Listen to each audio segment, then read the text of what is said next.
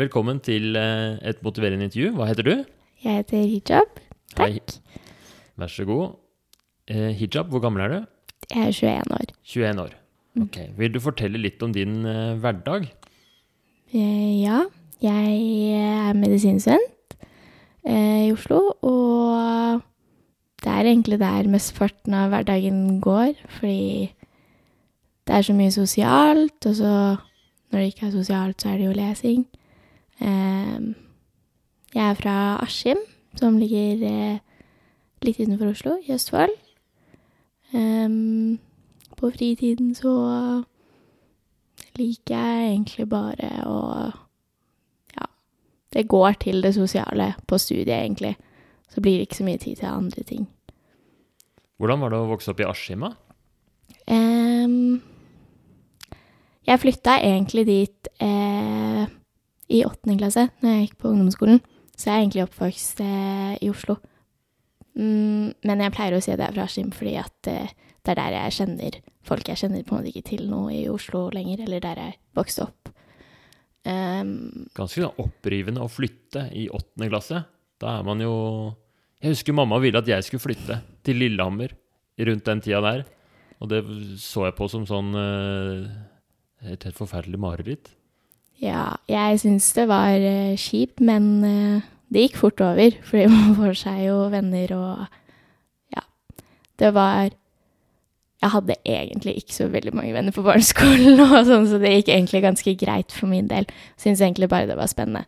Ja. Men det var jo veldig annerledes, fordi jeg bodde, eh, jeg bodde på Bjørndal, som ligger øst i Oslo. Og det er jo veldig annerledes fra Askim, som er litt mer sånn bygda og Ja, det er ikke så mange ikke-etnisk norske der. Um, og det er et helt annet miljø. Og så er det jo sånn alle kjenner alle der. I motsetning til Oslo, som er ganske stort. Og, ja. ja. ja hvor, eh, hvor er det du har din opprinnelse fra? eh, foreldrene mine er fra Pakistan. Mm. Så øh, var du var det, Så det var veldig få pakistanere i Askim? Eller folk som ikke var den etnisk norske? Ja, eh, og hvis det var det, så var de på en måte De var på en måte norske av eh, normer og sånn eh, kultur. Så det var på en måte Det var ikke det samme. Hvordan syns du det var, da? Eh, det var annerledes, men det gikk egentlig helt greit, siden eh, Ja, eh, på Bjørndal så var det veldig sånn at man skulle være stolt over sin kultur, og eh, det ble sett ned på om man ville gjøre noe litt annerledes. Mens i Askim så var alle Ja, det var litt sånn alle gjorde det de hadde lyst til, og det syns jeg var veldig kult. Ok, det var litt friere på en eller annen måte? Ja, samtidig som det ikke var det, fordi at alle kjente jo alle, og man kunne ikke gjøre så mye uten at det ble snakket om, og sånne ting. Så var det litt friere fordi at jeg fikk venner som um, Som på en måte gjorde at jeg kunne gjøre det jeg hadde lyst til, eller som inn, fikk meg til å innse at jeg At jeg burde gjøre det jeg hadde lyst til. Har du noe eksempel på sånn Noe som du kanskje gjorde mer av i Askim enn du ville gjort på Bjørndal? Mm.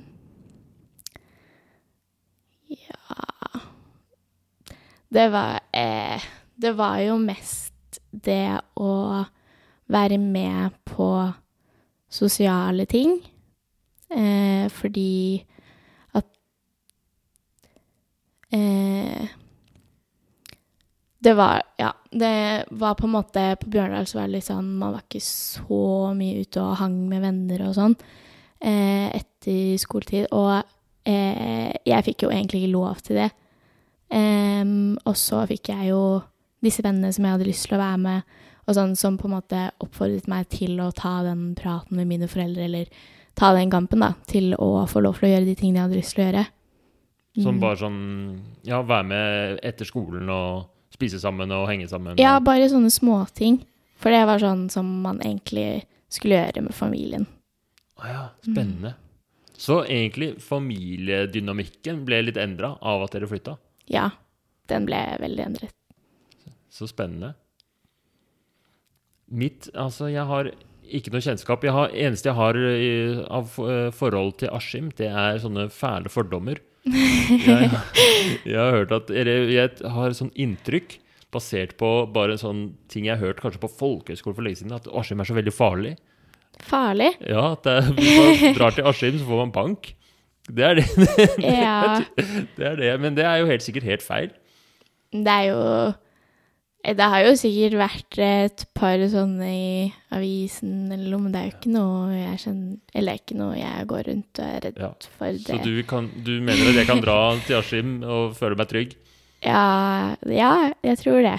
Jeg tror at det, man må gjøre noe for å Ja, for at noe skal skje med deg, så må du gjøre noe sjæl. Ja, greit. Det er greit, det er greit å vite. Det var fint. Jeg innså at det var en litt sånn, den hadde satt seg, den der fordommen. Selv om jeg tror jeg hørte om det litt på tøys, så har det blitt en sannhet i hodet mitt. Nei, det Ok, uansett. Um, nå er vi her på et motiverende intervju. Og da er det første spørsmålet som jeg pleier å stille, er Er det noe du har lyst til å endre på i hverdagen din eller i livet, eller Ja, det, det blir jo mange ting når du spør sånn. Um, jeg har tenkt på et par ting. Uh, det første jeg kom på, var å bli flinkere til å ta imot hjelp til alt av småting, og sånn å snakke med folk om ja, stort og smått. Em, og så tenkte jeg på det eh, Jeg får ofte følelsen av eh, at jeg skulle gjort mer hver dag. Eh, og det er kanskje en ting som kommer fordi at jeg går på medisin, eller eh, Ja, jeg vet ikke hvorfor, men eh, uansett hvor mye jeg på en måte får til, så har jeg alltid den følelsen av at jeg skulle ha gjort mer. Ehm, og jeg var veldig glad i å bare sitte hjemme før og slappe av, men nå føler jeg at jeg burde gjøre noe. Enten Det trenger jo ikke å være noe skole, men eh, Eller noe Det kan jo bare være at det skal være noe sosialt, eller at jeg burde ordne noe foreningsarbeid, eller ja, sånne ting. Um, men det var det jeg kom på. Ja, det to kjempespennende problemstillinger. Mhm. Jeg har lyst til å gå i gang med begge to. Så ja, de er veldig forskjellige. Så den første, den handler om eh, at du ønsker å bli flinkere til å ta imot hjelp. Det er altså Det tror jeg mange kan kjenne seg igjen i, å ha det som en sånn problemstilling. Mm. Er du litt sånn person som går og eh, ofte ender opp med at du liksom gjør alt selv? Eller at du tar på deg mye, eller at du Ja. Det Jeg føler jo at eh, At det blir best hvis jeg gjør det selv. Ja, nemlig. At det, er, at det blir litt dårligere hvis du skal Ja, eller ikke, ikke bare det, men jeg liker på en måte å ha kontroll over at det blir gjort. Og da er det så mye lettere å bare ta på seg det ansvaret selv. mm. Ehm, Å delegere noe fører med seg en sånn usikkerhet. ja, og så blir jeg litt stresset over at det ikke blir gjort. Og da er det greit å bare gjøre det selv. Eller at det blir gjort på en annen måte enn sånn jeg vil ha det. Interessant. Her er det masse å snakke om og utforske og finne ut av. Eh, Så det er en helt topp problemstilling. Og den andre som du nevnte, det er noe som er ganske annerledes, men også veldig spennende. da. Den derre følelsen av utilstrekkelighet, eller at man burde gjort noe mer. En sånn, sånn behov for å være travel og flink hele Mm. tiden. Hva ja, vil, hvilken av de to, hvis du skal velge én For jeg tror det blir vanskelig å snakke om Det kan jo hende at det er, at det er sammenhenger mellom de, men eh, Mm. vi burde nok velge én av de hvis vi skal eh, komme oss i dybden. Kanskje den uh, siste du snakket om, da. Det er jo det jeg tenker på mest. Det er det du tenker på mest? Mm. Følelsen av å burde gjøre mer. Mm. Kan du prøve å forklare enda mer om liksom, Gi et eksempel kanskje på når den følelsen treffer deg? Um, ja um, det pleier jo eh, for eksempel eh, om morgenen, hvis jeg sover litt lenger enn jeg hadde tenkt, og ikke kommer i gang med det jeg skulle. Bare Og det trenger ikke å være eh, lang tid, eller det kan være en halvtime som jeg har gått glipp av med et eller annet som jeg hadde tenkt til å bruke til et eller annet.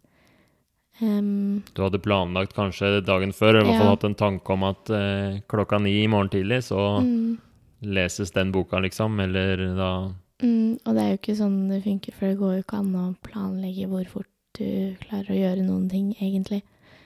Eh, men bare da begynner jeg på en måte å tenke Da blir det en dårlig dag. Nemlig. Da kommer det en, en tanke om at ah, dette her er dumt, eller dette her går ikke bra, og så Mm. Hvordan blir det en dårlig dag? Det blir jo fordi at alt på en måte må forskyves lite grann. Um, og så er det jo bare den følelsen jeg får over at uh, jeg har ikke gjort det jeg skulle allerede. Det kommer til å gå dårlig hele dag. Mm. Det, jeg syns jo det er kjempeteit selv når jeg tenker på det. Vil jo ikke. Ja. Men jeg bare klarer ikke å legge det fra meg. Så den tanken blir der, og så blir det sånn at du blir litt sur på at du har den tanken òg. Mm. Hvordan påvirker det resten av dagen, da? Um, det kan jo Når jeg først på en måte eh, Et eksempel har kommet meg til skolen og skal sette i gang, så kan jeg bli liksom fort irritert på vennene mine som er der, hvis de liksom vil slå av en prat og skal bruke litt ekstra tid. Fordi jeg vil jo det, jeg òg, men da Ja, det kan hende at jeg er litt passiv. og det er jo noe de også har sagt til meg, og som jeg har snakket med dem om. At det, det er jeg jo klar over. Hva er det de sier da? Em, de sier at eh, jeg bare kan si det om det er noe, istedenfor å eh, stresse meg av gårde. Hvis jeg ikke kan snakke, at jeg bare kan si det. Ja, nemlig. At, eh, fordi da, du må få gjort det du hadde bestemt deg for å gjøre, og da må du avlyse et eller annet annet. Mm. Og det kan by på litt problemer, for du kanskje, er det fordi du er konfliktsky, eller hva er det? Nei, jeg er er jo stressa? egentlig ikke konfliktsky, men jeg blir bare em, Ja, det er jo fordi at jeg blir stressa, over at jeg ikke skal rekke å gjøre de tingene. Det er jo um, når vi skal ha kollokvier, og jeg har jo kollokviegruppe med to av mine beste venner på medisin, og hvis de er sene, så blir jeg kjempeirritert. eh, og jeg har jo blitt mye flinkere på det nå, for de har jo sagt Altså, de sier jo ifra, og jeg sier jo ifra, at dette på en måte ikke er bra, men jeg prøver å ikke være irritert nå. De trenger ikke å være veldig sene heller. Em, men da har de jo sagt fra sånn Vi skjønner jo at du er irritert. Uh, men jeg kan jo selv være sen veldig mange ganger, så det er jo veldig unødvendig. Jeg syns jo Jeg blir jo sur på meg selv for at jeg er irritert. Mm. Mm. Ok, dette er interessant. La oss oppsummere. Så uh, problemstillingen som du kjenner et behov for å gå inn på eller endre på, det har med Det har egentlig med mm, Det er ikke det faktum at uh, du av og til blir for sein eller utsetter ting, for det innser du at det er sånn er verden, liksom. Mm. Men det er den der følelsen du får stadig vekk av sånn der ah, Nå er det ikke bra nok, eller nå eh, Nå har jeg dumma meg ut, eller nå går det for treigt her. Som blir en sånn irritasjon, og som du igjen irriterer, irriterer deg over at du har den følelsen. Mm. Er det riktig? Er det sånn cirka Ja, det høres riktig ut. Ok, det er ganske interessant, fordi dette her er jo en problemstilling som handler om følelser. Mm. Og hvis, hvis jeg hadde vært en, en psykiater eller en psykolog uh, som kunne mange forskjellige former for samtaleterapimetoder, så ville den mest naturlige metoden å gå fram på for å hjelpe deg med det, det hadde vært kognitiv atferdsterapi, tenker jeg. Uh, eller, eller, eller mer sånn der psykologisk, eh, psykodynamisk samtaleterapi, hvor man ser på hvis man hadde brukt kognitiv atferdsterapi, så hadde man sett på den følelsen. Og så hadde man sett på hvilke situasjoner er det som eh, setter i gang den følelsen. Hvilke tanker er det som kommer. Eh, eksempel den situasjonen med at oi, du er en halvtime for seint i gang, du har sovet litt ekstra eller noe sånt nå. Hvilke tanker er det som dukker opp da? Og så hadde man sett på hva er alternative tanker.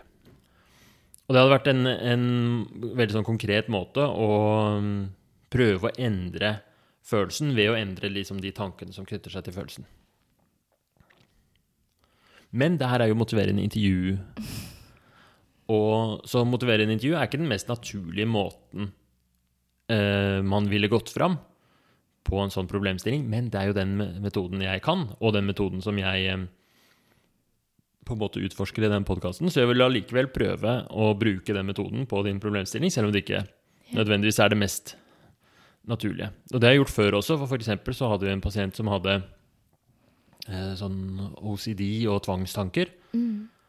Og da er det også ikke naturlig å bruke motiverende intervju. Da er det noe som heter eh, sånn derre eh, korttidsintens eh, Hva heter det for noe sånn derre eksponeringsterapi, som er den mest Som man vet funker veldig bra. Men al- fortsatt så går det an å prøve å bruke motiverende intervju, men det er ikke sikkert det er den mest effektive. Men for at vi skal kunne bruke motiverende intervju på denne problemstillingen, så må det liksom dreie seg om en konkret endring som er noe som du kan eh, på en måte angripe direkte.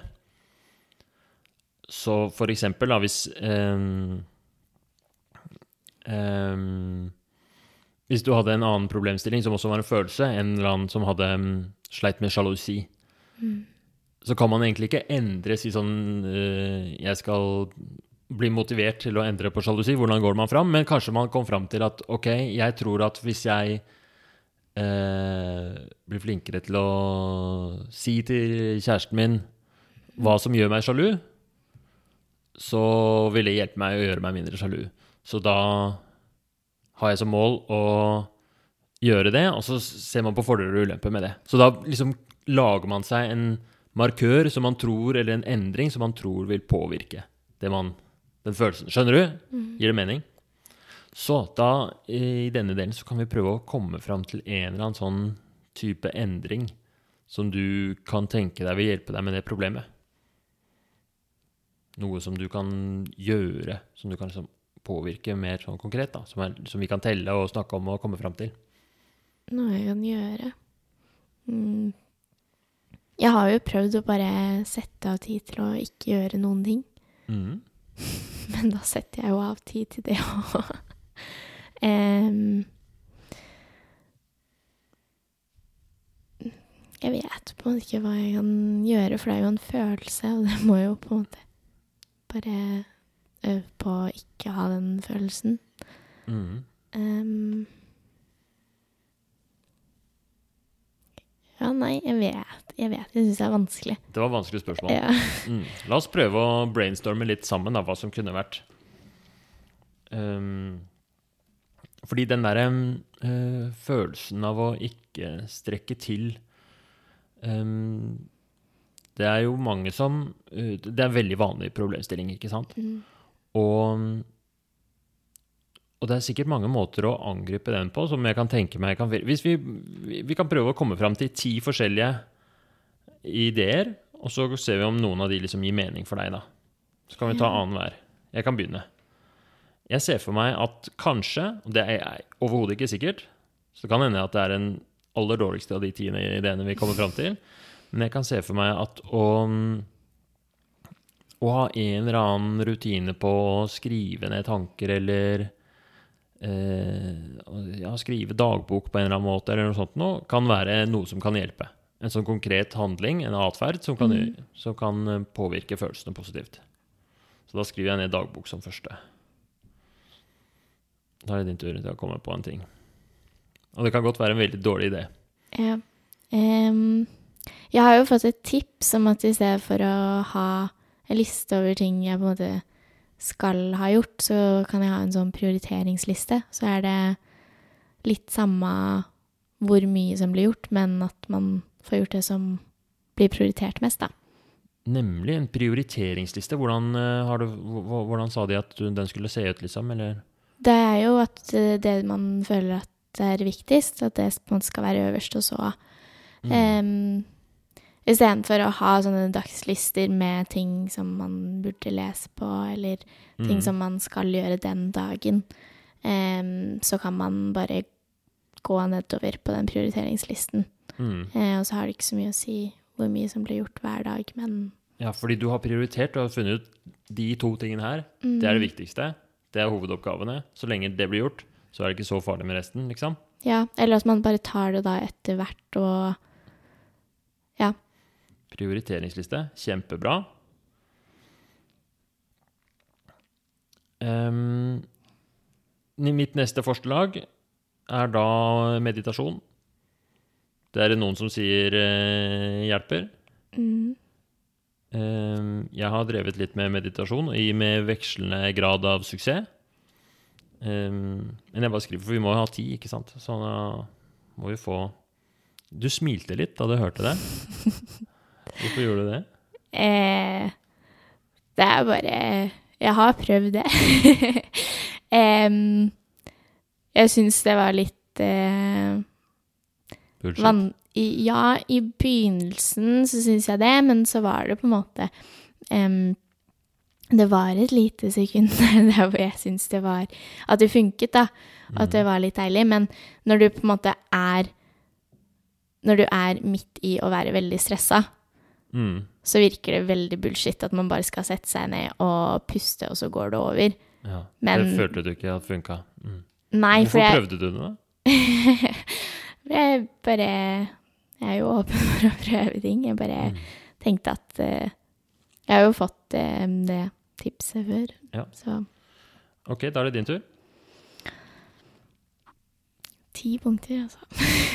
Ja, vi kan jo stoppe litt før. Hvis du, hvis, du, hvis du finner noen som du tenker nei, den her jeg vil ikke høre mer, den her går vi for, så kan vi jo bare um,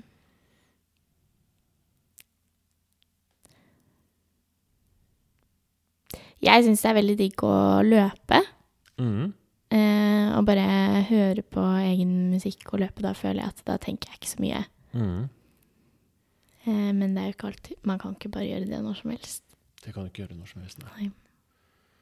Men det er en sånn eh, Da merker du ofte at etter en løpetur så har du så, så, så, så påvirker det følelsene dine, og så kan det hende bli at du blir mindre stressa, litt mindre Mm. eh, selvkritisk. Mm. Fantastisk. Altså, vi har fire på lista allerede. Og vi skal jo ende opp med bare én, men jeg vil fortsette. Ja, For jeg kom på en som eh, Som eh, kan godt hende at dette er verdens dårligste idé, men eh, iskald dusj. Ja. Har du prøvd det noen gang? Um, nei, det har jeg faktisk ikke. Jeg er veldig glad i å dusje i kjempevarmt vann. Mm. Når folk går inn i dusjen etter meg, så blir de brent. Men okay. Men eh, eh, Ja, det har jeg visst ikke prøvd. Det kan jeg jo Mm. Ja, nei, du skal bare velge én. Men min teori eh, det, er mest, det er ikke en sånn faglig begrunnet teori, men litt Den er i hvert fall kommet fram til gjennom sånn eh, Det er at når man tar en iskald dusj, så, det, mm, så eh, utløser det veldig mye sånn På samme måte som veldig kraftig trening, så vil en iskald dusj eh, utløse masse smertereseptorer mm, i, på, i huden. For det er jo på en måte en type smerte. Ja. Og det som skjer da, er at kroppen får et sånt, nesten et sjokk, og skiller ut masse eh, signalstoffer for å kompensere for den smerten. Og så får man eh, Noen opplever det nesten som en sånn rustilstand. Og det som jeg i hvert fall merker, er at den der, det sjokket gjør at man får en slags sånn eh, Det er sånn hjernen får en liten sånn der restart. ja. Så ja, det sier i hvert fall mange som tar sånne iskalddusjer, opplever en veldig sånn ro etterpå, og at eh, de tankene man hadde før den kalde dusjen, eh, er helt annerledes. Mm. Og at stress og sånn eh, går ned.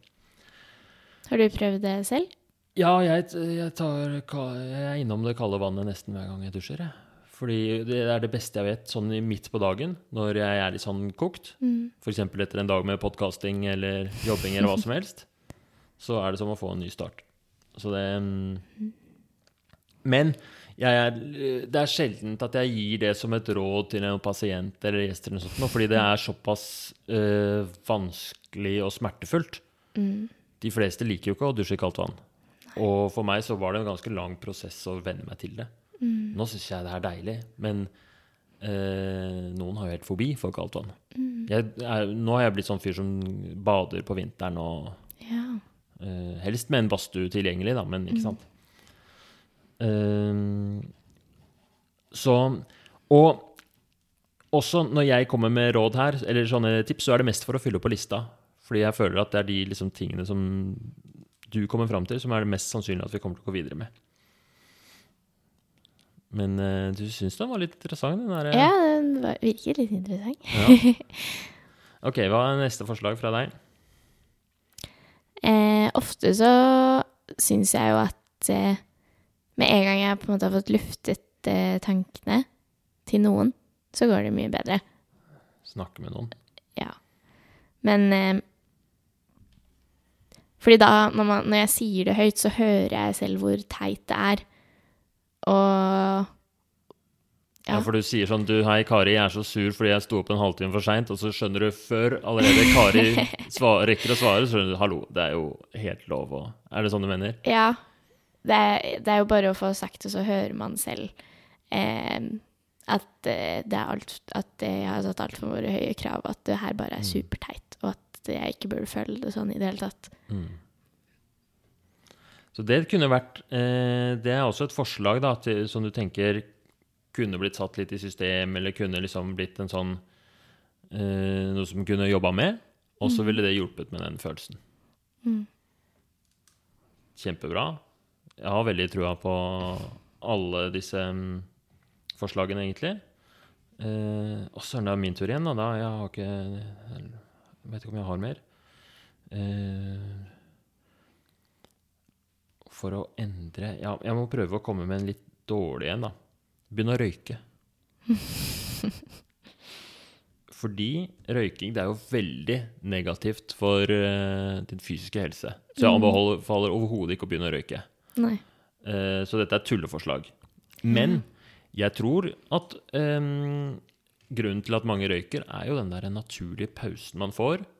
Det er nesten som en liten meditasjonsøkt. ikke sant? Du, du står og puster og får pause og gjør noe motorisk. Jeg skriver røyke eller tilsvarende. Jeg veit ikke hva det skulle vært. Spise en gulrot eller noe. Mm. Uh, ja. Det var det forslaget. Hva syns du om det? Um, jeg skjønner jo hva du mener. Um, jeg har hatt en periode der vi har begynt å snuse fordi at da har det vært en sånn liten pause der hvor jeg bare slapper helt av. Em, men så blir jo den snusen noe man tåler etter hvert også, så blir det ikke like avslappende hver gang. Så da har jeg også bare sluttet med det, og så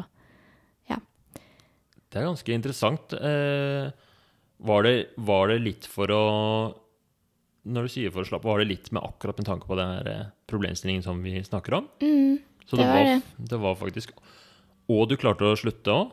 For det er det som jeg syns var mest overraskende. Ja, jeg har jo eh, sånn at jeg begynner å snuse igjen, men det er på en måte mest sånn festsnus. og- Festsnus ja. og sånn. Men eh, jeg klarte jo å slutte av den grunn av at det ikke funket lenger på Mm. det med å slappe av. Mm. Um, Det er veldig sånn Ja, fordi jeg tror veldig mange begynner å snuse, kanskje av den grunnen, men de er ikke bevisst på det selv. mm, Så de skjønner ikke helt Mens du var veldig tydelig på at dette gjør jeg Det var nesten som du brukte det som en medisin eller som et triks, liksom. ja, Og så innså du at det funker ikke så bra, og så Det ja. er Jeg ble egentlig litt redd for at det Fordi at det var det det var, som en sånn medisin. At jeg ikke skulle klare å slutte med det heller. Så da mm. Kjempekult. Røyke eller sn- tilsvarende snuse. Mm. Da har vi 1, 2, 3, 4, 5, 6, 7. Da er det din tur igjen. Det var jo halvveis meg, det, da. eh, eh, ja Jeg kommer egentlig ikke på noe mer, tror jeg. Skal vi si at vi har en god liste der, da? Vi gjør det. Ok. Så um, det her var jo en, en slags sånn øvelse, hvor vi ser for det første så er det jo mange forskjellige måter å angripe det problemet på. Og sånn Dette her er jo indirekte måter å angripe følelsesproblemet på, men det opplever jeg er ofte ganske bra. Og mm, i og med at vi har et motiverende intervju, så hadde det jo vært fint om vi liksom Hvis du tok av den lista her, da. Dagbok, prioriteringsliste, meditasjon, løpe med musikk, iskald dusj, snakke med venner når du føler deg stressa, eller begynne å snuse. Eh, hvilken av de endringene føler du, helt ærlig, er liksom det du uh, har mest trua på?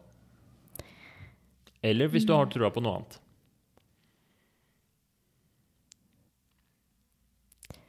Um,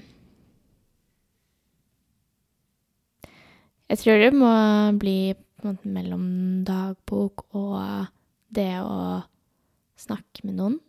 Fordi igjen det at eh, med en gang jeg får det ned, eller bare får det ut, så går det veldig fort over. Og jeg skjønner hvor teit det er, og jeg skjønner at Ja, da slutter jeg å tenke på det. Mm. Det høres jo bra ut. Begge to handler jo om å, å på en måte få det ut av hodet. Mm. Og reflektere eller å, å bare bearbeide eh, Bearbeide følelsen. Eh, kjempebra. Hvis du måtte velge en Eller omformulere sånn at vi kanskje får med begge to, da.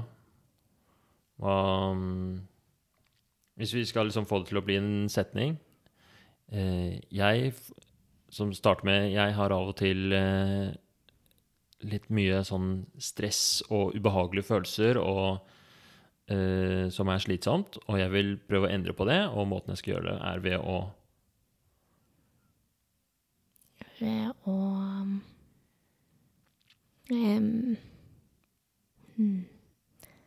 Ikke sette ord på det, eller eh, eh, få det ut av eh, bare mitt hode. Eller, få det ut av bare mitt hode. Det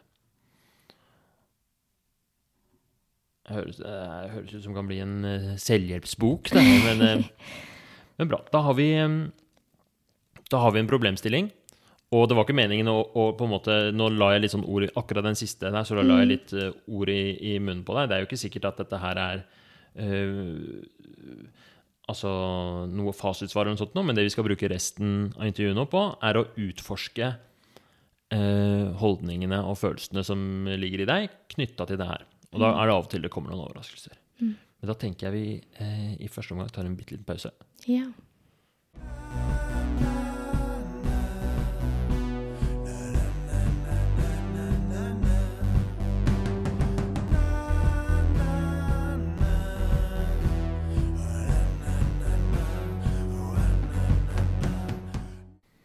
Da tenker jeg vi kan rett og slett begynne med da ambivalensfirkanten. Det er da, mm, for de som ikke vet det, en firkant hvor det er fire ruter, og i hver rute så er det spørsmål. Og det første spørsmålet er Hva er egentlig eh, fordelene for deg med å få ting ved å begynne å liksom eh, enten skrive dagbok eller på et eller annet eh, en eller annen måte ringe til, til venner og få ting ut av hodet. La oss lage en liten liste med fordeler med det. Fordelene med det Um, Det er jo deilig å bare eh, få ting ut og ikke holde det helt for seg selv. Uh, men det blir jo den at uh, med en gang jeg hører det eller får skrevet det ned, så ser jeg hvor uh, teit og lite det egentlig er. Um, ja, det er jo Det blir de fordelene. Og når du ser hvor teit og lite det egentlig er, så Da stresser jeg ikke over det, eller, eller da tenker jeg ikke over det lenger. da blir eh, den tanken som lå og stressa deg og skapt en litt ubehagelig følelse, den forsvinner litt. Mm. Ok, hva er Og dette er kanskje et følsomt som rart spørsmål, men det er alltid interessant å utforske det. Motsatt, liksom. Hva, hva ville vært ulempene med å gjøre en sånn endring? Ved å liksom begynne å skrive dagbok, eller begynne å, å aktivt uh, bli flinkere til å ringe venner og få, få lufta tankene, da? Um, det er jo ikke alltid man har muligheten til å gjøre det. Uh, så hvis man Jeg vet ikke hvis, um, hvis man blir avhengig av å gjøre det for å ikke stresse, uh, så er jo det en ulempe. Det er interessant. Er du litt redd for det? At dette kan bli en sånn krykke som du plutselig blir avhengig av? Litt på samme måte som med snusen? um, nei, for det skader jo på en måte ingen at eh, jeg skriver dagbok, og jeg får jo, jeg får jo sikkert gjort det. Um, men det å snakke med noen kan jo fort bli mye. Det kan jeg være litt redd for. Eh, det tenker jeg også på når jeg snakker med Det er noe jeg også stresser over når jeg snakker med vennene mine, at jeg ikke skal plage dem for mye heller. Mm. Mm. Så da er det plutselig andre tanker og følelser som kanskje er litt relaterte, men som dukker opp, og som blir en sånn Ja, en annen stressfaktor plutselig. Mm. Interessant. Så det er Hvis du skulle starta med et sånt prosjekt eh, Eller hvis du skulle liksom helt bastant gjort en endring, da. F.eks. hatt eh, sånn deal med en venn at du ringer en gang om dagen. Eller Mm. hva det skulle vært, det vet jeg ikke akkurat hva. Men det ville medført liksom noen andre stressende følelser. Ja. I hvert fall det med å snakke med noen. Du blir jo avhengig av, eh, av av den personen eller de Av at de skal snakke med deg også.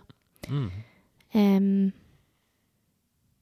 og så snakket vi jo Den eh, andre problemstillingen var jo det å spørre om hjelp. Det er jeg jo ikke så stor fan av heller, så det blir jo um, Ja, en annen faktor er at jeg faktisk skal snakke med noen uh, hver dag. Uh, som også ville stresset meg litt, eller som Nemlig. Vi må, plutselig så havna vi tilbake i den andre problemstillinga igjen. Altså, At du syns det er ubehagelig å spørre om hjelp. mm, Kjempespennende. Ok. Eh, nå gjorde jeg det i feil rekkefølge enn det jeg pleier å gjøre. fordi nå Men hva ville vært da fordelene ved å bare la det være sånn som det er nå, da? Og ikke gjøre noe? Endring? Fordelene er jo um, at jeg får gjort veldig mye. um, men det er jo også kanskje en ulempe, for det er ikke alltid jeg får gjort veldig mye fordi jeg stresser. Føler du noen ganger at den stressingen hjelper deg? Ja. Det, det føler jeg. For jeg får jo eh, gjort en del som jeg bare eh, ville glemt, eller som jeg ikke hadde tenkt på hvis ikke jeg, hvis ikke jeg var en person som tenkte veldig mye hele tiden og stresset over Ja, for du slår meg jo som en veldig produktiv person. Veldig sånn mm, at du uh, får gjort mye, mestrer medisinstudiet, som jo er krevende, det vet jeg alt om. Og er med i flere foreninger. Er det, er det tenk, Har du en sånn tanke om at uh, Henger det sammen, føler du? Den derre eh, gruen du får når du har sløva litt en halvtime på morgenen, liksom, med alt det du får til? Ja, det er jo Jeg har jo en tanke om at jeg skal eh, gjøre veldig mye. Eh, det er jo sikkert at jeg har eh, høye em, forvent... Eller ja, jeg forventer veldig mye av meg selv. Men eh, jeg liker jo også når jeg får det til. Og jeg liker å ha mye å gjøre. Men jeg vet jo egentlig ikke om det er fordi at jeg eh, stresser og tenker at jeg skal Burde ha gjort noe hvis jeg ikke har noe å gjøre. Mm. Det er kjempe Jeg hadde en, eh, et intervju med Wasim Zaid, Mm. han eh, kjendislegen. Mm. Og den problemstillinga var veldig lignende. Ja. Han også snakka om en sånn uro. Mm. Og mm, den var knytta litt til en sånn eh, ønske om å få gjort mer. Men samtidig så hadde han jo, akkurat som du sier, da, den der at eh, det virker som du er en person som er ambisiøs og forventer mye av deg selv. Vil du, hva er det Kan du si litt om hva som er ambisjonene dine? Um, det er jo egentlig ikke noe veldig spesifikt. Jeg har bare lyst til å gjøre veldig mye gøy. Eh, jeg har lyst til å ha det gøy mens jeg går på studiet. Jeg vet ikke noe om hva slags type lege jeg vil bli, eller eh, hva jeg vil gjøre med medisin. Jeg bare um, trives veldig på studiet. Um, og så har jeg lyst til å um, gjøre et eller annet bra. Eh, et eller annet uh, som har noe med å hjelpe mennesker. Em, ja, og lage et godt miljø for studentene også. Men det er jo ikke egentlig noe veldig spesifikt. Jeg bare um, Ja. Um, være en person som folk uh, syns er hyggelig. Eller som Hva, hvilke foreninger er det du er med i? Sånn, eller hva- Det blir eh, veldig mange. veldig Eh, mange. Nesten alle sammen. Eh, eh, jeg er med i styret på eh, Jeg vet ikke om det kalles Linjeforeningen, men MF, Medisinforeningen. Mm. som liksom er paraplyforeningen, da. Og så er jeg med i eh, MSO, som er en sånn seksualopplysning. Og så har vi, jeg og noen andre, nå startet et nytt jentekor. Å ja vel. Mm. Et nytt jentekor. Ja. Så kult. Så det er jo litt arbeid. Hva heter dere? Eh, det medisinske søsterskap heter vi. Oi, mm. kult. Um, og det er jo Vi kan jo ikke synge. Det er jo også bare for at uh, um, så mange som mulig skal få lov til å være med på det sosiale som skjer. Så det handler jo egentlig bare om at man er sosial, så får man lov til å være med. Ja. Em, og så med i Paradeorkesteret. Ja vel. Medisinsk paradeorkester. Hvilket ja. instrument spiller du der? eh, forskjellig hver gang. Mm. Jeg har vært litt mye på trombone. Mm. Det er med i Medum. Medhum, den humanitære aksjonen til medisinstudentene. Mm. Og akkurat nå så er jeg i revystyret. Vi skal ha revy om en måned. Å, fy søren. Mm. Fantastisk. Men ja, jeg skjønner jo at eh, det er mye som må gjøres da. Men det er uh, veldig vanlig også å være med på så mange ting. Det er jo det er ikke bare meg som Ja.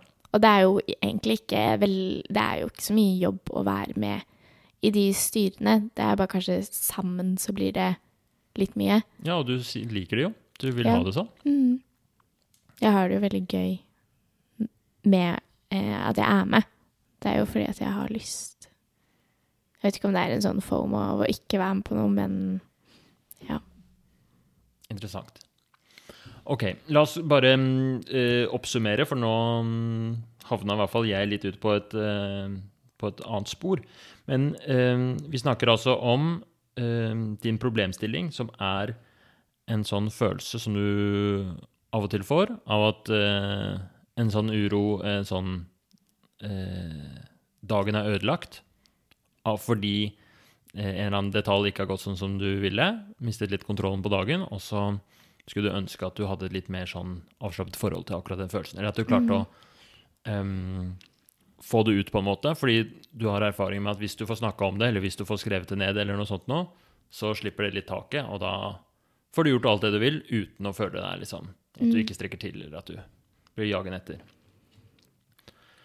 Eh, Og så har vi gått litt gjennom fordeler og ulemper med det, og at um, en ting som kanskje holder deg litt tilbake, uh, er dette med at uh, det er i hvert fall en liten følelse, og du vet ikke om det er riktig, men det er en liten følelse at den stressen eller den uroen kanskje hjelper deg litt med å få gjort masse. Så det blir som en sånn fiende som man ikke helt har lyst til å bli kvitt. Ok.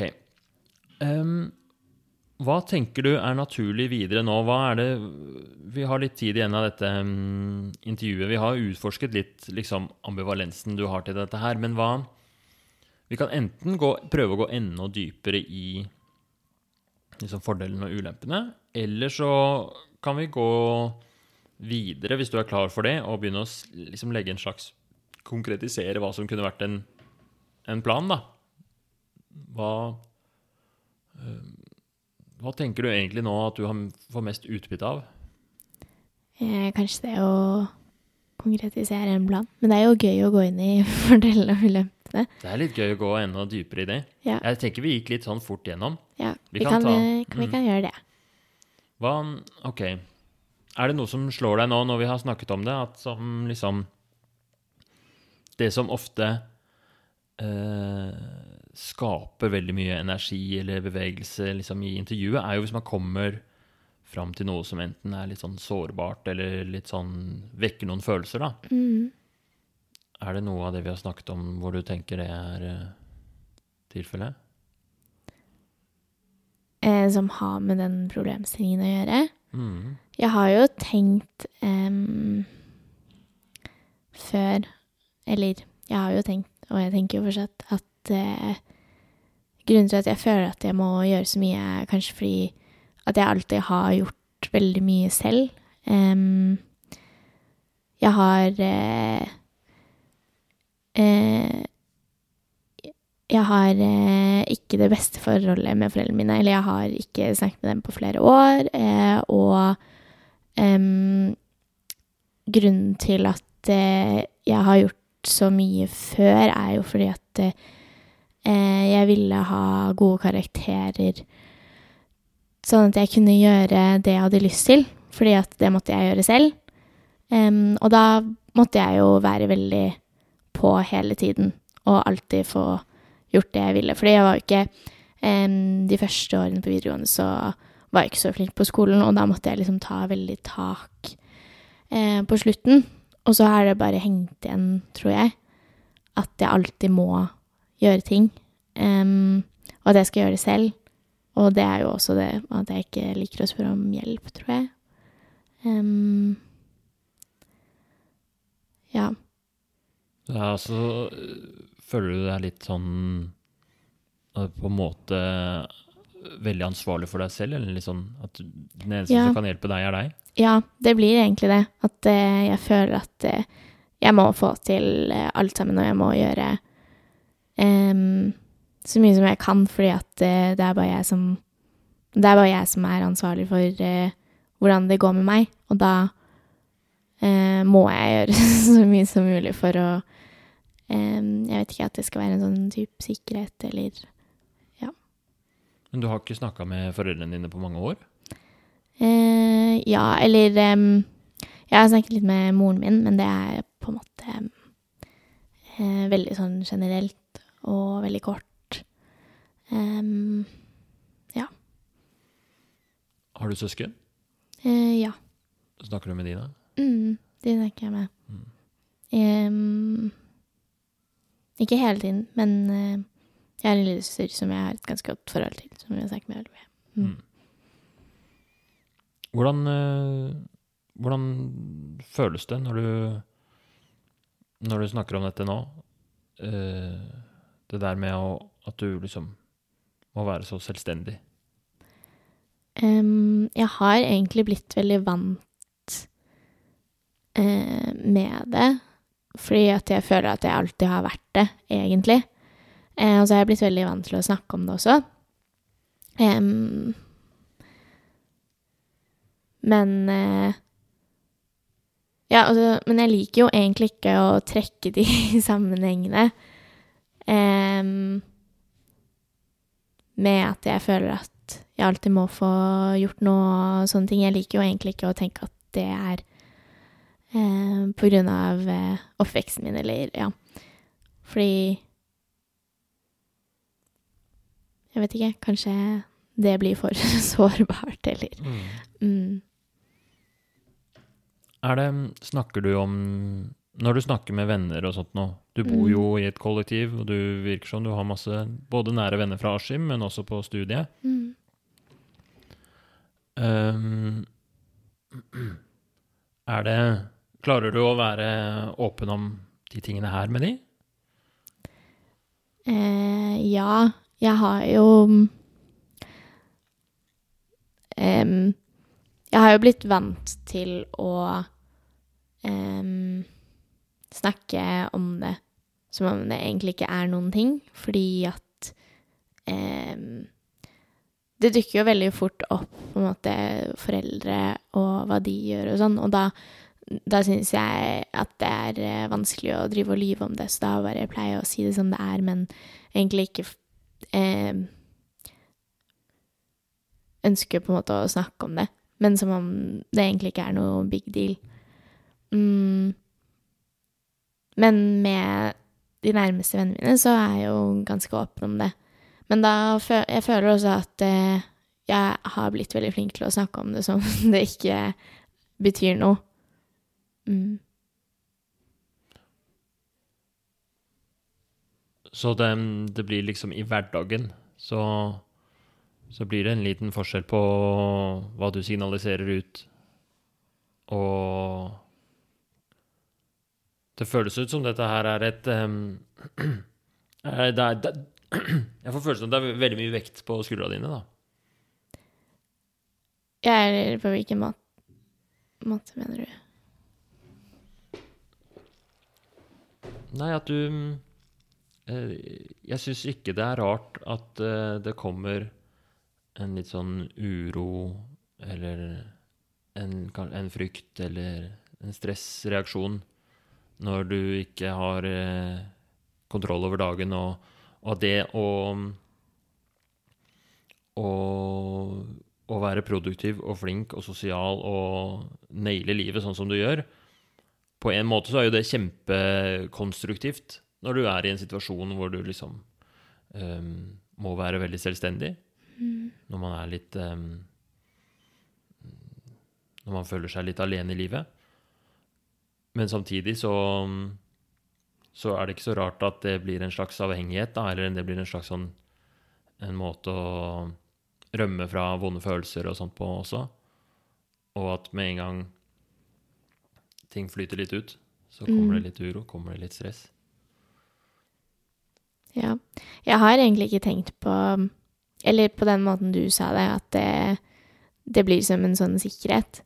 Men eh, det gir jo veldig mening. For det er jo um, Den uroen som jeg kjenner på, det kommer jo helt sikkert av at uh, Av at uh, jeg føler et ansvar overfor meg selv. uh, og at jeg må få gjort de tingene jeg skal, fordi at em, Det bare er jeg som på en måte er ansvarlig for hvordan det går med meg også. Mm, ja. Det var eh, Jeg syns det var veldig Jeg er veldig glad for at vi gikk innom at vi brukte litt lengre tid på, å- på å utforske litt. mm, Ikke bare gikk rett på liksom, ja, nå skal vi lage en dagbokplan. For jeg tror dette her er viktig, og, og det er fint å få Hvordan føles det å snakke om det? Um, det er fint å snakke om det, syns jeg. Um, jeg har jo snakket om dette med venner, og uh, jeg har jo snakket masse med dem om det, men um, føler på en måte ikke at jeg har gått helt inn på hva det har gjort heller. Men det er jo Jeg syns jo det er vanskelig å trekke på en måte linjer mellom hvordan jeg er nå, og hvorfor jeg er sånn, og det er jo ikke eh, sånn man snakker om når man snakker med venner heller. Det, man snakker jo eh, mest om hvordan man føler det akkurat da, og ja. Ja, Og man kan jo aldri vite hva som er årsak til hva. Og hvor. Nei. Det, man kan, det er alltid spennende å snakke om ting og utforske ting og prøve å se sammenhenger, men, Mm, men eh, det er egentlig fint å snakke om hvordan man føler det nå, er jo det eneste som egentlig er ekte her og nå. mm.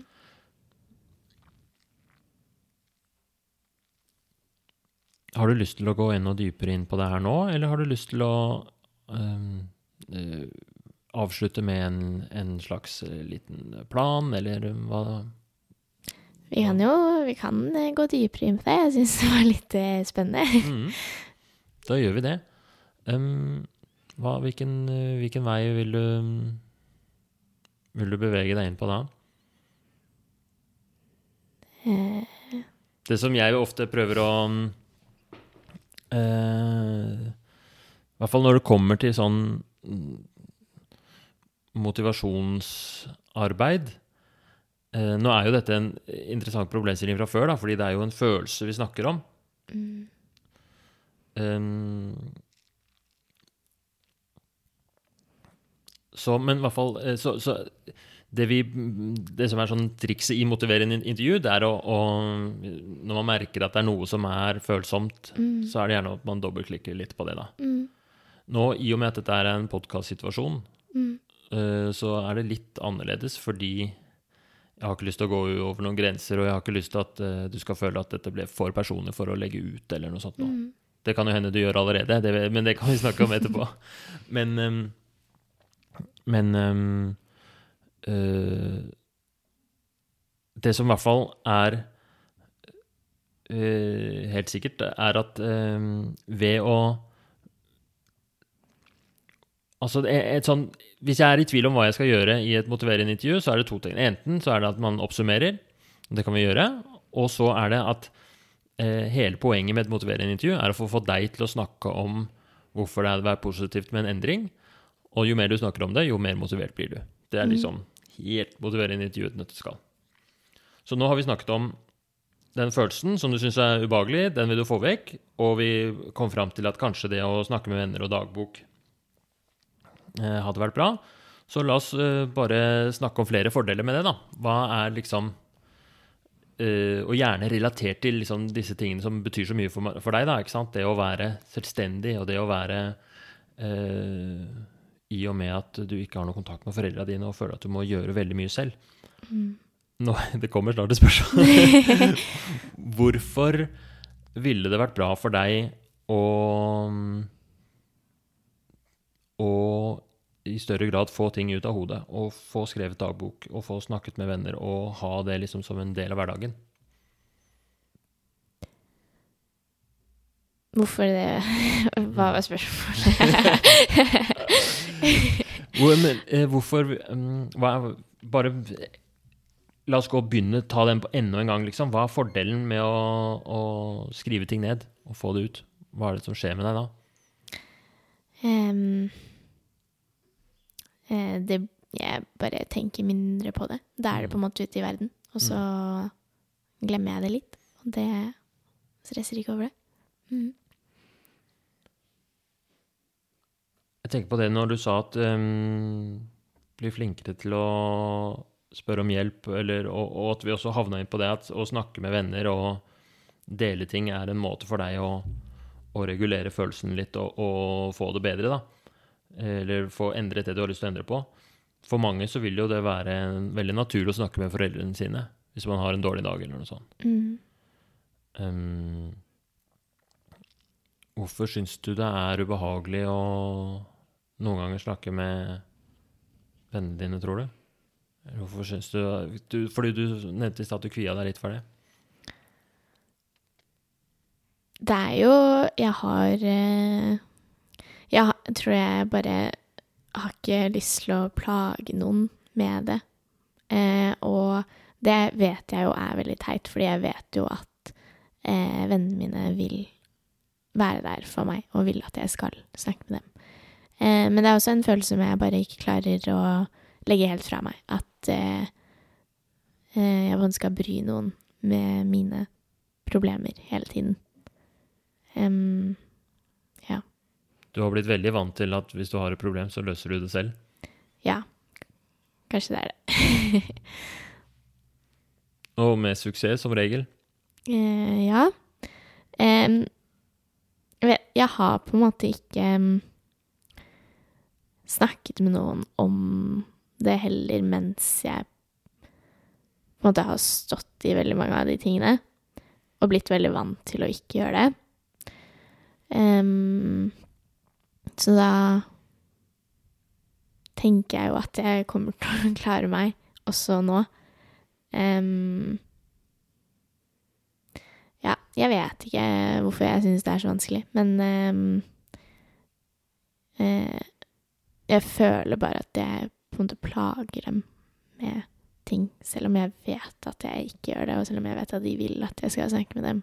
For jeg vil jo, om de hadde hatt noe de ville snakke med meg om, så vil jeg jo bare at de skal at de skal ringe når som helst, på en måte. Eh, men ja. Klarer ikke å legge det fra meg. Mm. Jeg har jo blitt mye flinkere på det. Ja, Um, fortell mer om det. Fortell hvordan liksom, du har utvikla deg på akkurat det. Um, nei, eh, fordi før så var det jo bare å begynne å snakke litt åpent om det, men som om at det egentlig ikke var noe stor sak, og at jeg ikke brydde meg så mye. Um, men i hvert fall sånn etter at jeg begynte på medisin, og um, med de vennene jeg har fått der også, og for så vidt de eh, fra Askim. Um, så på medisin så er det et veldig sånn åpent miljø også. Um, og veldig lett Eller folk som på en måte er veldig interessert i sånne I å snakke om sånne ting. Eller ja, som spør veldig mye. Um, og da, det hjelper jo at folk spør, da. Når man ikke er flink til å snakke om ting selv. Ehm, ja, og så har jeg fått eh, venner som er veldig eh, åpne, som på en måte utfordrer meg litt, eller spør veldig mye. Em, ja. Som eh, jeg føler har også vært eh, ganske like meg, som jeg syns er lettere å snakke med også. Mm. Så er vi jo veldig mye sammen. Eh, både på når vi er på skolen og skal lese, eller eh, Men også på kveldene, fordi vi er jo sammen hele dagen. Og da må man på en måte snakke litt om det, fordi man blir så godt kjent at man skjønner jo om det er noe. Mm, så da er jeg blitt mye flinkere til å snakke om ting. Mm. Så du har både blitt flinkere sånn konkret, og så har du satt deg selv i en posisjon hvor du er på et studio og i et miljø hvor relasjonene blir veldig nære, Mm. og du har fått deg venner som er virker som er veldig åpne, og som stiller mye spørsmål, og som er eh, Mm. At dere er en veldig eh, sånn sunn gjeng, gjeng, hvor man kan være sårbar og Mm. ærlig med hverandre.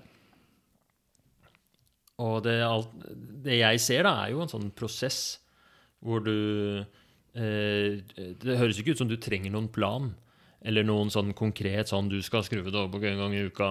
Mm. Uh, fordi det her er jo en, en, en eh, prosess du, enten du vet eller ikke vet, er så bevisst på det selv, er i gang med. Ja. Har du merka eh, Hvordan har du merka den derre følelsen, den uroen? Er den eh, vært verre nå enn før, eller er den blitt bedre, eller Den har Jeg føler at den kommer og går litt. Um, selvfølgelig i sånn eksamensperioder og sånn, så blir den jo veldig sterk. mm. Um, men jeg føler også at jeg har blitt eh, mye flinkere. Eller eh, at den har blitt bedre. Um, fordi at jeg har eh, eh, kanskje blitt obs på at den fins. Mm. Eh, og det kommer jo også av at jeg har snakket med disse vennene om det. Um, men jeg føler at jeg har blitt mye flinkere, for det er jo um, Den rutinen jeg hadde eksempel på videregående, den er ikke i det hele tatt nå. Og nå um, pleier jeg å sove ut hvis jeg vil det. Ja. Det Jeg tar meg mye mer fri, da Mm. Eh, enn det jeg vanligvis pleide å gjøre. Mm. Som i sommer nå, så har jeg ikke tatt på meg noe ekstra jobb fordi at jeg følte at jeg trengte en sommerferie. Um, og har egentlig bare Har egentlig ikke gjort så mye enn å slappe av og vært rundt.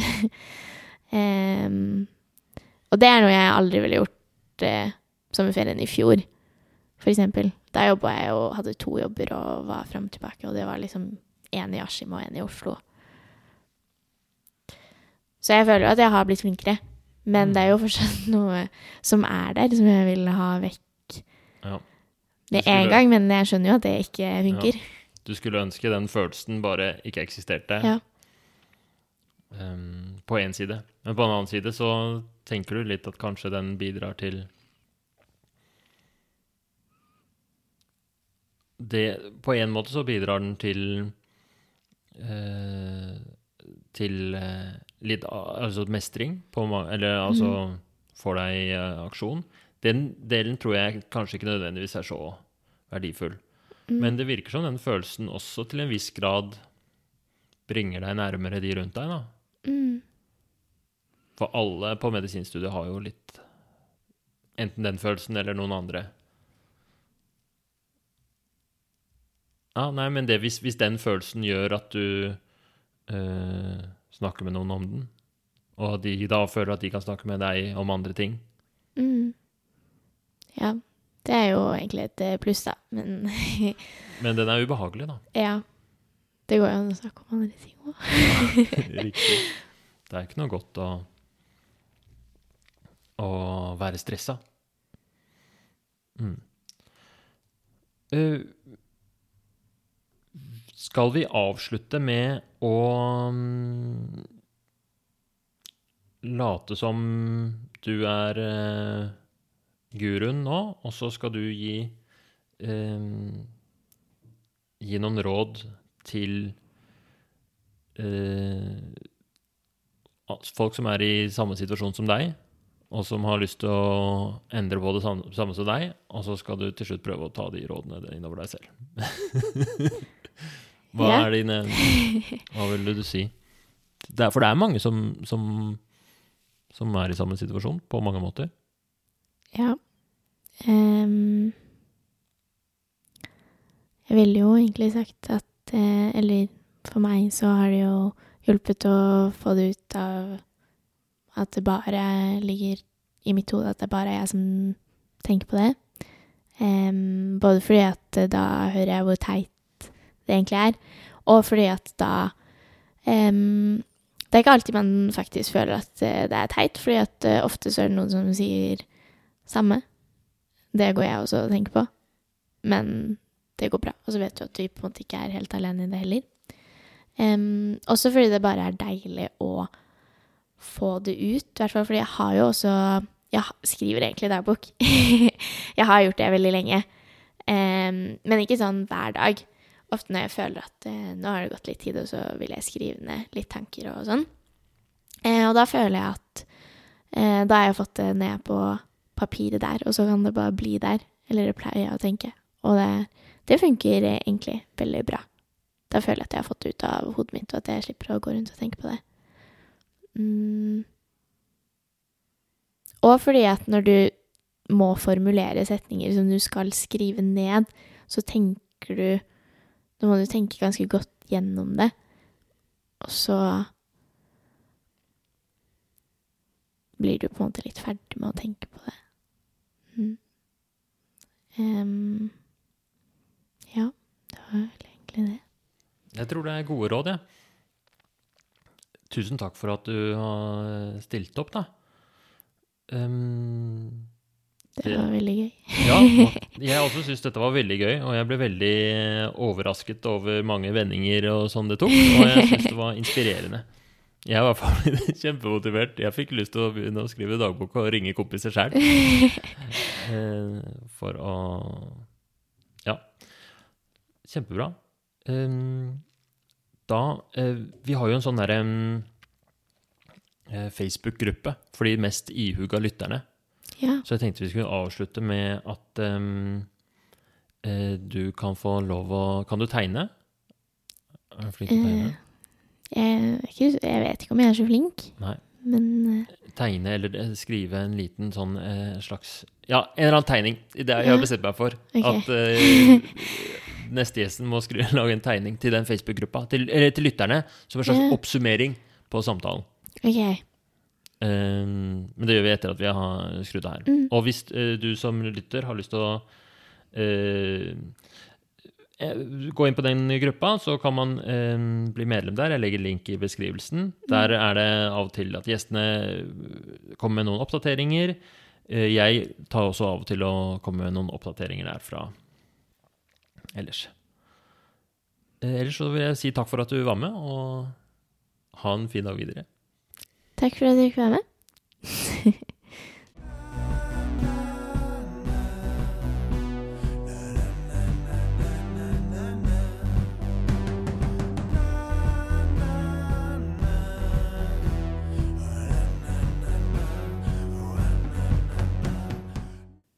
Ok, det var den episoden. Da har eh, hijab eh, dratt. Hun eh, tegnet en tegning på slutten av episoden.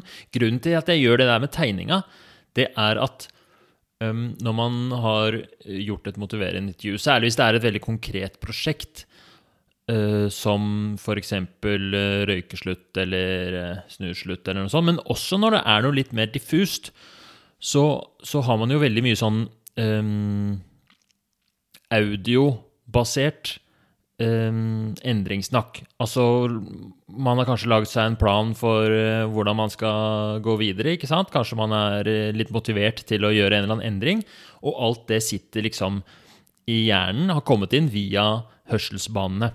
Og det jeg liker å, å Eller jeg har en tanke om at hvis man da avslutter med en tegning som er noe visuelt, så kan det kanskje forsterke effekten lite grann. Jeg vet ikke. Um, men hele konseptet hele, uh, med motiverende intervju handler jo om at jo mer man produserer av endringssnakk, jo mer motivert blir man. Og hvis man da i tillegg produserer um, et slags uh, visuelt anker for det her, så vil jeg tro at, man, uh, at det også skaper litt motivasjon. Pluss at det er jo gøy å tegne. Det er morsomt å se hvordan folk ser for seg ting. Og så er det jo også fint at det blir noe som jeg kan eh, dele på den der Facebook-gruppa for dere mest aktive lyttere. da. Så der kan dere, kan dere, gå inn, og så kan dere se bildet av eh, hijab med tegningen sin.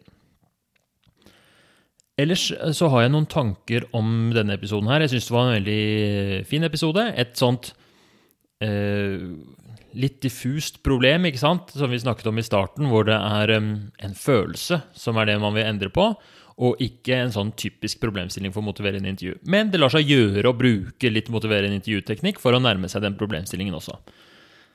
Eh, det som jo selvfølgelig var det mest spennende i den episoden her, eller jeg vet ikke hvor selvfølgelig det var, men det jeg syns var veldig interessant, var jo eh, litt over midten når vi kom inn på eh, sånn hennes personlige ting. Dette med at hun ikke har noe kontakt med foreldrene igjen eh, noe lenger. Og eh, ting knytta til oppveksten, det oppgjøret hun tok da hun flytta til Askim, med at hun Det var, virket som det var ganske strengt, og de tingene der. Og der er det jo eh, en stor forskjell å gjøre dette her i podkastformat og gjøre det i en terapisetting. Hadde jeg vært lege og hun vært min pasient nå, så hadde jeg vært mye mer eller tillatt meg selv å stille mye mer eh, spørsmål om det. Men det syns jeg var litt uh, vanskelig å gjøre nå, i og med at dette skulle på en podkast. Jeg var litt usikker på hvor uh, personlig jeg skulle bli. Så mm, jeg kunne nok spurt enda mer om de tingene i dette intervjuet, men jeg valgte i hvert fall å holde litt tilbake gjerne veldig, Hvis noen av dere har noen tanker om hva dere ville gjort, så er jeg spent på å høre det, for jeg er litt usikker på hvor um, Men det har jo også med at hvis dette her skal uh, bli en podkast som er til nytte og glede for andre enn en hijab også, så, så, må den jo kunne legges ut. Og hvis man sier noe om om Ja, hvis hvis jeg hadde stilt et spørsmål, og så hadde det blitt veldig mye snakk om foreldrene eller om andre personer, så kanskje det hadde vært enorm, liksom, ikke vært mulig å legge ut på et eller annet tidspunkt. da. Det var i hvert fall grunnen til at jeg holdt litt tilbake på det. I en terapisetting så er jo uh, de der tematikkene Hver gang du merker at nå uh, Jeg merka det jo på henne også, at dette var litt vanskelig å snakke om. Hun, hun, hun krøyp litt sammen, begynte å holde litt sånn rundt albuene sine med hendene og var um, man merka at det, var, det, her var liksom ting som kanskje hun ikke syntes var så komfortabel å snakke om, som vekka litt følelser i henne. De tingene der er helt essensielt å gå inn på, da. Det er da også når man skal, når man skal liksom prøve å skape motivasjon til en konkret endring, så er det der, der Jo mer følelser som man får fram, jo bedre er det. Det er i hvert fall eh, litt sånn jeg tenker. En ting som jeg var ganske bevisst på eh, i denne samtalen, sånn motiverende intervju teknisk, var at jeg hadde lyst til å prøve i større grad å fortelle gjesten hva jeg gjorde. At jeg For eksempel, jeg sa jo det at um, eh, det som er kult, er når vi kommer inn på ting som er sårbare, sa jeg til henne. Og det var da eh, dette med foreldrene dukket opp. Og, og det, jeg, det skal jeg fortsette å gjøre. Jeg er veldig fornøyd med hvordan det fungerte. Det har jeg gjort lite før. At man tenker at, at eh, jeg må holde liksom oppskriften hemmelig for pasienten. At jeg, de skal ikke helt skjønne hva som foregår bak skjemaet. Jeg bare stiller lure spørsmål og, og får fram det. Men jeg tror egentlig det er mye bedre å bare si i denne delen av samtalen så prøver jeg å få fram så mye endringssnakk som mulig. Og det er veldig fint hvis vi kommer inn på ting som er følsomme. Um, Av sånn eh, enkeltting som hun sa, så var det jo Syns jeg det var veldig interessant det der med at hun syns stressingen hjalp henne. Det at hun blir stressa, henger litt sånn sammen med at hun har jo lyst til å få til mye. Kanskje det å bli stressa og det å få en sånn vond følelse gjør henne mer produktiv, og det er en sånn grunn til at hun holder fast ved det. Det tror jeg er en vanlig tanke, og um, i hvert fall når det kommer til forskjell, forskjellige sånne derre um, stressreguleringsting. jeg har hørt mange ganger med folk som ønsker å meditere, men så sier de ja, men jeg har ikke lyst til å meditere fordi da kanskje blir jeg mindre ambisiøs. Hvis jeg blir helt rolig og tilfreds i hverdagen, så kommer jeg ikke til å Kanskje jeg ikke gidder å gjøre noe som helst. Det tror jeg er en feilslutning. Jeg tror det er eh, Jeg tror ikke det er negativt for ambisjoner og for motivasjon å bli mer rolig og avslappa, men jeg tror det er veldig vanlig å føle det. Og, så det er en fin sånn tematikk å utforske. Så det som jeg sa i episoden, så utforsket vi det også med han med Wasim Saeed i den episoden. Det syns jeg også ble veldig bra. Ellers så eh, likte jeg veldig godt mot slutten av samtalen, da, vi, da jeg stilte det spørsmålet eh, Eller hun svarte på hvordan denne uroen hadde utviklet seg eh, for henne. Fordi på et tidspunkt der så så det ut som liksom Oi, det, men jeg fikk liksom følelsen oi, det, det, at det føltes veldig vanskelig å endre dette.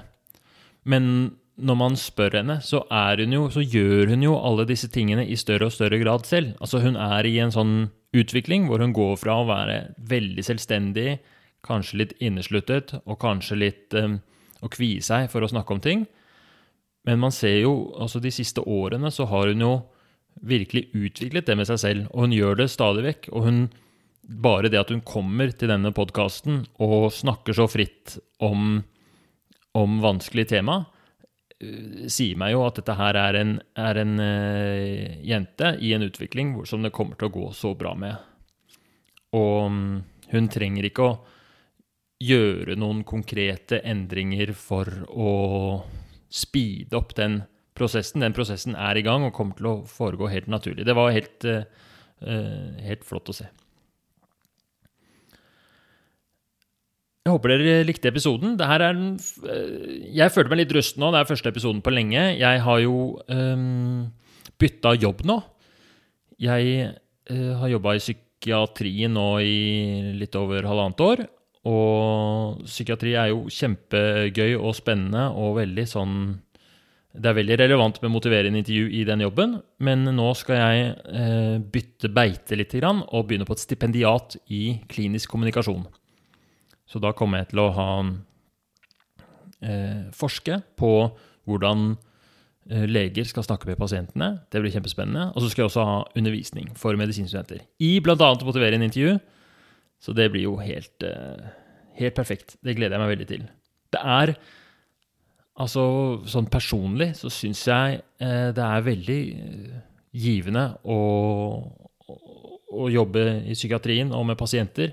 Eller altså, uansett hva slags lege man er. Men hvis man er som meg, da, som er litt sånn der lett å, for å bli engasjert i ting, eller lett for å bli eh, Altså, jeg mine følelser Det skal ikke mye til for å trigge alle mulige følelser hos meg. Så er det veldig krevende også å jobbe, særlig med, med psykiatriske pasienter som, som, sliter på så mange måter. Og den jobben jeg hadde i, eh, i Nydalen DPS på psykosepoliklinikken, var jo veldig kul, og det førte faktisk at vi gjorde veldig mye godt for de pasientene. Det var, eh, det var givende. Men eh, det krever at man eh, er veldig bevisst på liksom, hva slags følelser man får sjøl, og uh, hvordan man håndterer det å ha med så mange ja, skikkelig vanskeligstilte mennesker å gjøre. Så, så jeg trengte en liten, et lite sånne beiteskifte nå, merka jeg, og så det skal bli veldig bra. Hvis det er noen som har noen spørsmål, eller noe sånt nå, så er det som vanlig bare å sende melding til Herman Egenberg. Enten på Messenger eller eh, Instagram. Og eh, tilbakemeldinger på podkasten. Hvis du vil at jeg skal komme og holde foredrag eller kurs i motiverende intervju, så mm, er det bare å booke meg. Og ellers, hvis, um, hvis du syns podkasten er bra, så er det jo helt topp da om du uh, deler den med en venn så får jeg flere lyttere. Ålreit. Ha det bra.